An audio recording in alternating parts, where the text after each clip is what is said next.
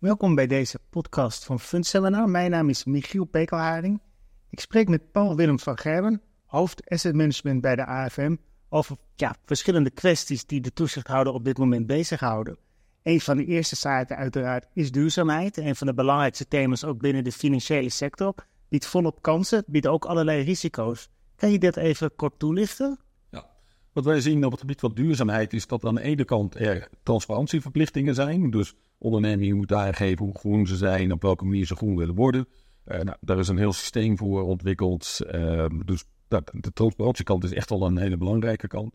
Wat wij zelf ook als AFM heel belangrijk vinden, uh, want nu gaat het eigenlijk over met name sustainability, de E van ESG, om het zo te formuleren. Hoe gaan we om met social? Hoe gaan we om met governance? Dus dat dat zijn, vinden wij ook risico's, om het toch maar even die terminal uh, te blijven spreken. Dat ze zeggen, is er wel genoeg aandacht en ook verdeelde aandacht over deze drie onderwerpen? Nou, er is heel bewust gekozen, niet alleen door ons, maar ook door de overheid, om nu in te zetten op de E. Maar wij denken wel dat het goed is om op een gegeven moment ook na te gaan denken over de social en de, en de governance kanten van de ESG op een gegeven moment is natuurlijk een vrij vage tijdsaanduiding. Is dat, uh, wordt dat ingegeven door de ontwikkeling in de markt? Hebben jullie daar bepaalde plannen bij? Of is het ook ontwikkeling in de maatschappij waar je naar kijkt, waarvan je zegt van oké, nu moeten sociale factoren, nu moeten bestuurlijke factoren echt meer aandacht krijgen binnen het duurzame beleid? Dat, dat, dat speelt een rol. En we moeten aan de andere ook eerlijk zijn. Een deel van onze agenda wordt niet alleen door de AFM bepaald, maar door Europa, door uh, uh, ESMA. ESMA is de Europese toezichthouder van de effectenbuur de, de effectentoezichthouder. Die bepaalt voor een deel de agenda, ook op het terrein van sustainability. En ook daar wordt natuurlijk gekeken, en dan wordt binnen heel Europa gekeken, van hoe verhouden zich die drie onderdelen zich tot, tot elkaar. Heel vaak wordt ook gezegd van ja, het begint ook eigenlijk niet zozeer bij de E, het begint veel meer bij governance. Als een bedrijf een goed beleid heeft, dan volgt een goed sociaal beleid en aandacht voor milieu vanzelf. Zie, zie je dat ook binnen de sector ontstaan? Zijn er bepaalde bewegingen binnen die sector waarvan je zegt, daar word ik heel hoopvol van? ja, wij zien bewegingen. Uh, wij, zien inderdaad ook dat het begint bij governance. Ik vind het leuk dat je het op die manier ook, uh, ook stelt. Maar we zien dan dat meerdere, niet alleen duurzaamheid begint bij governance, uh, maar ook hele andere onderwerpen. Überhaupt zien wij veel meer aandacht voor governance. Maar dat wordt wat ons betreft nu nog niet gekoppeld aan sustainability. Maar echt even hoe zit een onderneming in elkaar? Zeker ook door de hele consolidatieslag die er is geweest. Dan zie je steeds meer vraagstukken komen. Ja, hoe verhoudt zich de governance van het lokale onderneming hier in Nederland tot de moedermaatschappij in de Verenigde Staten of in Japan of in, in, in, in een ander Europees land. Dus de hele discussie over governance, inclusief uitbesteding en dergelijke, dat, dat is echt een waar hoop discussies mee beginnen. Consolidatie binnen de sector kom ik graag zo meteen nog even op terug. Maar ik wil ook wel ja, weten eigenlijk, zijn er bepaalde vragen waar de sector mee naar jullie toekomt op het vlak van duurzaamheid? En is er dan ook specifiek dingen die in Nederland spelen? Of is het veel meer uh, de internationale regels zoals SFD, ja. hoe die uitgelegd moeten worden? Ja, ik weet dat wij veel vragen krijgen over de uitleg van SFDR. En dan gaat het over um, hoe groen is het fonds. Ik heb dat net ook uh, betiteld als de 6, 8 en 9 discussie. 6 is niet groen, 9 is supergroen. Je merkt ook daarover dat wij als, als AFM dat goed in overleg ook met onze collega-toezichthouders in het buitenland moeten doen. Een hele discussie over names, van fundnames en dergelijke, die vindt op het Europese gebied plaats. Aan de andere kant is wel leuk dat in de, nou, de, de eerste week van oktober gaan wij met een soort leidraad naar buiten komen. En die, die heeft te maken met uh, duurzaamheid claims. Dus als je iets claimt, het zij in je naam, dan wel in een, een, een, een reclameuiting die je moet, moet doen. Ja, dan moet je dat wel op een bepaalde manier kunnen, kunnen waarmaken. Dus dat past een beetje in de discussie over hoe groen is een fonds. Is het een zes fonds, acht fonds of een negen fonds? En is het ook greenwashing? Is dat een van de zaken waar jullie nog strenger op gaan? Ja, ja absoluut. En, en dat is niet alleen bij de asset manager, dat is echt AFM breed. Als ik ga kijken hoeveel teams binnen de AFM, of nou kapitaalmarktenteams zijn, of het nou uh, teams echt zijn die bezig zijn met de, de, de, de retail cliënt, daar wordt echt veel gekeken naar, naar greenwashing. Ik merk wel dat de discussie over greenwashing, de definitie van greenwashing, oh, dat, uh, dat is nog wel een pittige, uh, maar wel een hele mooie en een hele leerzaam. Wat is een van de leukste dingen, de meest verrassende dingen die je in die discussie gehoord hebt? Ik denk wat, wat, wat voor voorbeeld ik daar het beste kan noemen. Ik, de, laat, laat ik zo zeggen, er worden af en toe voorbeelden aan ons voorgelegd. Waarvan ik dacht van wauw, daar had ik ook gewoon als toezichthouder nog echt niet aan gedacht. Om, ik kan niet zo snel over, soms is het ook handig om niet eens te voorbeeld. Maar wij worden ook wel verrast door de, soms is het ook creativiteit van, van, van mensen. En, en niet alleen, greenwashing is natuurlijk een negatief beladen term. Maar er zijn ook gewoon mensen echt heel creatief en op een goede manier aan nadenken over hoe zij sustainability in de markt willen zetten. Tuurlijk, en er zitten altijd wel mensen bij die het op een minder goede manier willen doen. Maar ik ga nog steeds uit van het goede van de mens. Daarvoor ben ik ook toezichthouder, ga ik wel eens doen. altijd maar. Maar in ieder geval, ik vind dat eh, de, de creativiteit, en hopelijk in goede zin gebruikt, die vind ik, uh, vind ik het mooist. Ja, je had het net al eigenlijk over de, de um, regeldrukken en eigenlijk alles wat vanuit Europa komt aanwaaien. Um, de sector heeft heel vaak het idee dat het een soort van eenrichtingsverkeer is van regels die over de sector uitgestort worden. Je geeft zelf ook al aan, um, ESMA, de Europese organisatie, zit ook te wachten op onze input. Komt die input er voldoende vanuit de branche? Heeft de branche door welke mogelijkheden er zijn om zelf ook eigenlijk zaken aan te dragen voor beleidsvorming? Ja, er zitten twee kanten aan. Ik denk wat, wat de branche goed doet, of een aantal, een aantal partijen in de branche goed doen, laat ik het even zo formuleren, um, is reageren op consultaties. Dus dan, dan is eigenlijk het beleid al uitgestippeld en dan wordt of het beleid uitgestippeld wordt ter consultatie voorgelegd. Daar is ESMA absoluut uh, gebaat bij goede feedback. Ik denk ook dat Nederland gebaat is bij goede feedback, als ik het zo mag formuleren. Ook omdat, ja, vanuit het Nederlands perspectief, wij, wij zitten daar als toezichthouder. Dat is wel een heel ander perspectief dan de markt zelf, de Nederlandse markt zelf. Ik denk het aandragen van, van nieuwe initiatieven. Ik wil daar ook een beetje het enthousiasme niet zozeer vertemperen, maar wel van wat gebeurt er daarmee. Want je ziet wel dat, dat op zoveel terreinen lopen de experts rond die de risico's overal vandaan halen. Vaak luistert men wel, om zo te zeggen, maar het is meer om te checken van missen we niks. Dan dat er wordt gezegd, oké, omdat jullie dat aandragen, gaan we daar er wel mee doen. Ja. ja. Dat is ook een beetje managing expectations. Wel, ik, ik, denk dat het echt waardevol is, nou dat heb ik net ook gezegd, om mensen, mensen te laten reageren of instellingen te laten reageren vanuit een marktperspectief, een Nederlands asset management park perspectief. Dat heeft, dat heeft echt heel veel waarde. En wordt er ook voldoende naar Nederland geluisterd? Omdat ik het idee heb dat de Nederlandse financiële sector wel behoorlijk volwassen is in Europa. Zeker ook dankzij onze grote pensioensector. Spelen wij uh, eigenlijk ook, kunnen wij een broek aantrekken die eigenlijk net wat groter is dan Nederland op basis van het aantal inwoners of de economie zou kunnen? We worden absoluut serieus genomen. Dat, uh, in, kijk, wat, wat ik wel merk, als ik het zo wil formuleren, is dat we hadden natuurlijk met, met de Engelsen zaten op bepaalde terreinen echt wel tegen elkaar aan. En door het wegval, want je ziet gewoon in, ook bij ESMA zie je toch bepaalde ja, machtsblokken in ieder geval. Ja. Uh, blokken die, uh, die inkomst kunnen leveren en die ook uh, toch wel bepalen wat er gebeurt. Ja, en dan zie je toch dat samen met de Engelsen dat, dat, dat, dat wat makkelijker opereren was. Nu zijn we veel meer op zoek naar de Scandinavische landen. Nu ja. gaan we meer op zoek naar de IR voor sommige functionderwerpen. Kijken we ook wat de Luxemburgers natuurlijk willen. Dus we zoeken wel ook per onderwerp zoeken wij onze, onze, onze vrienden of onze, ja. onze partners. Maar overal een partner die, waar je kunt zeggen, nou ja, daar heb je de grotere en lange termijn op meerdere terreinen mee. Ja, dat, dat, dat, dat is echt wel een zoekpartij. Gaat Brexit zich toch voelen ook hier? Nou ja, ik vind dat een van de duidelijkste dingen waar, waar wij als AFM mee geconfronteerd zijn. En misschien deels anekdotisch. Doordat partijen nu natuurlijk, uh, Engelse partijen, die konden vroeger natuurlijk op basis van een vergunning die ze in het Verenigd Koninkrijk kregen, konden ze in de rest van Europa actief worden. Hadden we als Nederland niet zo heel veel over die partijen te zeggen. Nu is het zo, als die partijen er zitten, hebben ze dus in Europa een vergunning nodig. Nou, een aantal keren is dat in Nederland gebeurd. Dus dat betekent dat ze in het UK en in Nederland een vergunning hebben. Maar dat betekent ook dat de Nederlandse en de Engelse toezichthouder contact hebben. Omdat ja. je krijgt natuurlijk dezelfde de wijzigingen voorgelegd. En dus aan de ene kant kun je ook zeggen dat wij inhoudelijk, technisch gesproken, meer contact hebben met de, met de FCA dan we dat misschien voor Brexit hadden. Grappig, zo nooit bij, uh, bij stilgestaan. Een van de gevaren, we kijken toch veel naar risico's in het gesprek ook. Je noemde net, in je presentatie van maar al dat 43% van alle chief executive officers binnen twee jaar een cyberaanval verwacht.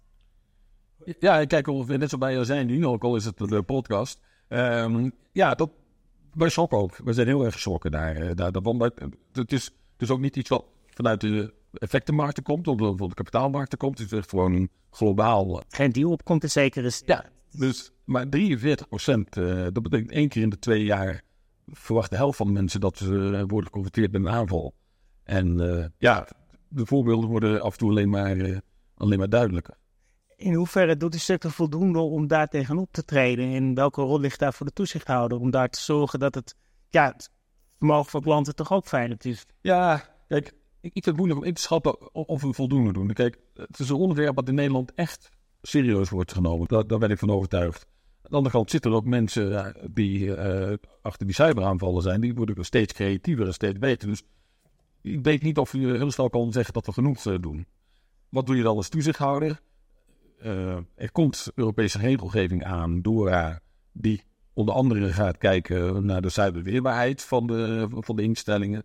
Dat zal helpen, maar uiteindelijk zal het toch ook uh, bedoel, regels zijn in dit geval eerder, zijn niet zozeer voor ons als, uh, als toezichthouder, maar meer voor de onderneming zelf. Want ja, zij zijn degene die het meest last van hebben. Lijkt me ook lastig om zoiets te controleren. In zoverre, als je wil weten of het dak van een bedrijf goed dicht is, kan je er een emmer water op gooien. Je kunt moeilijk als toezichthouder een paar white hat hackers in dienst nemen om te kijken ja, maar het is toch, waar de gaten zitten. Het is wel degelijk zo dat, dat, dat en, en dat zijn wij niet alleen, dat doet ook bijvoorbeeld een DB met allerlei uh, testen, penetratietesten, vaak wel uitgevoerd door derden.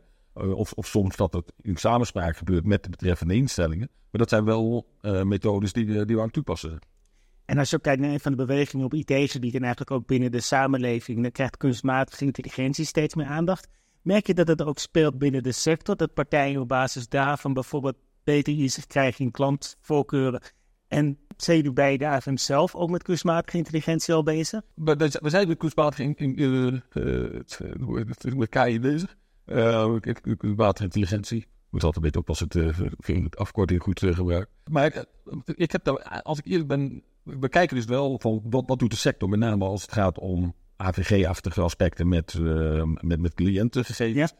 Waar wij wel al enkele jaren actief in zijn. Dat uh, is bijvoorbeeld op de kapitaalmarkt te kijken van als je een algo hebt, hoe reageren algo's op algo's? En daar zijn we wel heel erg uh, actief in. Want soms kan je een algo, als hij nog niet zo heel goed ontwikkeld is, uitgelopt worden door een andere algo. En dan wordt die uh, helemaal af, afgeslag. En dat zijn dan vaak toch dingen waarvan we kijken, is er sprake van koersmanipulatie. Ja. Bijvoorbeeld als je weet dat als jij een kleine kooporde inlegt dat dan een, een, een, algo zwaar in de verkoop gaat en, en je voedt dat een paar keer, nou, dan kan er sprake zijn van koersmanipulatie. En is er nu al mee bezig om dat eigenlijk goed in kaart te brengen? Ja, maar dat, dat, dat, dat, op zich zijn we daar altijd mee bezig. Maar dat, wij zien natuurlijk in principe eigenlijk alleen maar een transactie. Ja. En dan zien we dat een andere daarop reageert. En dan hoeft voor ons op dat moment maakt het niet zo heel uit of het een algo is of dat iemand handmatig ja, achter de computer zit. Ja. Handmatig orde zit in te voeren terugkomend op mensen van vlees en bloed. Het aantal mensen dat een melding doet van incidenten is de laatste jaren juist afgenomen. Wat gaat de schade achter zo'n afname? Want ik kan me niet voorstellen dat uh, er minder cyberaanvallen gedaan worden. Kijk, inst uh, instellingen moeten bij ons die meldingen doen. En, en wij zien dus het afname van, de, van het aantal meldingen. We zien wel een toename van de kwaliteit van de meldingen. Laat ik dat ook wel bij, bij uh, vinden wij lastig om, om in te schatten. Want precies wat u zegt, wij hebben ook niet de indruk dat partijen er minder last van, van hebben. Ik, het, het spelen wat ons betreft twee dingen. We gaan ervan uit dat uh, de, de, interne, dat, dat, dat, dat binnen de organisatie wel uh, goed ervoor zorgt dat er ruimte is voor medewerkers om dergelijke meldingen te doen. Ja. En niet alleen als het fout gaat, maar ook als het bijvoorbeeld bijna fout gaat. Ja, en dan zouden we die meldingen wel graag willen zien als toezichthouder. En daar zit dan misschien ook een beetje de discussie van... Um, krijgen we alleen de meldingen als het echt fout gaat? Of ook de neermissers of als iemand toch gewoon in, ja, een, klein, klein fout heeft gemaakt? Ik, ik weet het niet. Het is ook niet iets waar we, wat, we, wat we echt hebben onderzocht. We geven nu ook met de implementatie van DORA geven we nu eens aan. Maar ja, let op dat die incidentmeldingen die worden straks alleen nog maar meer wettelijk. Hè, onder DORA is het nog, nog zwaarder. Dus ga daar in ieder geval aandacht aan, aan geven ik sluit niet uit dat we op termijn wel eens gaan nadenken van oké, als we het echt te weinig vinden, dan uh, hoe, hoe, gaan we dat uh, omhoog brengen? En misschien ook wel goed. Kijk, vaak denken ondernemingen als ze een melding doen, dat wij dan het kwartier later op de stoep staan en zeggen jullie hebben het fout gedaan. Ja, dat, dat, dat is het niet. En natuurlijk gaan wij heel kritisch kijken als wij tien meldingen per week over één instelling krijgen met incidenten. Dan heb je je AOC wel goed in elkaar zitten. Dat is wat anders. Wij gebruiken die melding ook wel degelijk om te zeggen, hé, hey, maar wij zien van deze onderneming, deze melding, die onderneming, die onderneming. Wellicht is er een, een hele gerichte actie bezig tegen bepaalde type instellingen. Ja. En dan kunnen we ook gewoon de rest van de markt waarschuwen ja. voor, voor dergelijke interventies. Dus nou, hopelijk is dit argument helpt dat om uh, partijen... Makkelijker de, de drempel verlagen om Van der Bel te trekken. Een van de dingen die in de toekomst gaat spelen is pensioen. Dat gaat natuurlijk bij iedereen spelen. Maar wat in Nederland natuurlijk heel specifiek is, is de herziening van het uh, pensioenstelsel. Vraagt om strategisch portefeuillebeheer, gaf je al aan. Is de sector er straks klaar voor? Waar zie jij de grote bottlenecks ontstaan op weg naar een nieuw pensioenstelsel?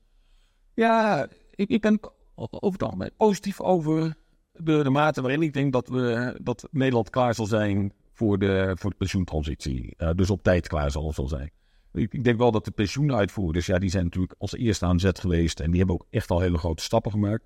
Wij merken nu steeds meer dat ook de vermogensbeheerders zich realiseren van help. Uh, mijn klanten dit of mijn klanten dat. Ik moet me ook weer gaan, uh, gaan voorbereiden.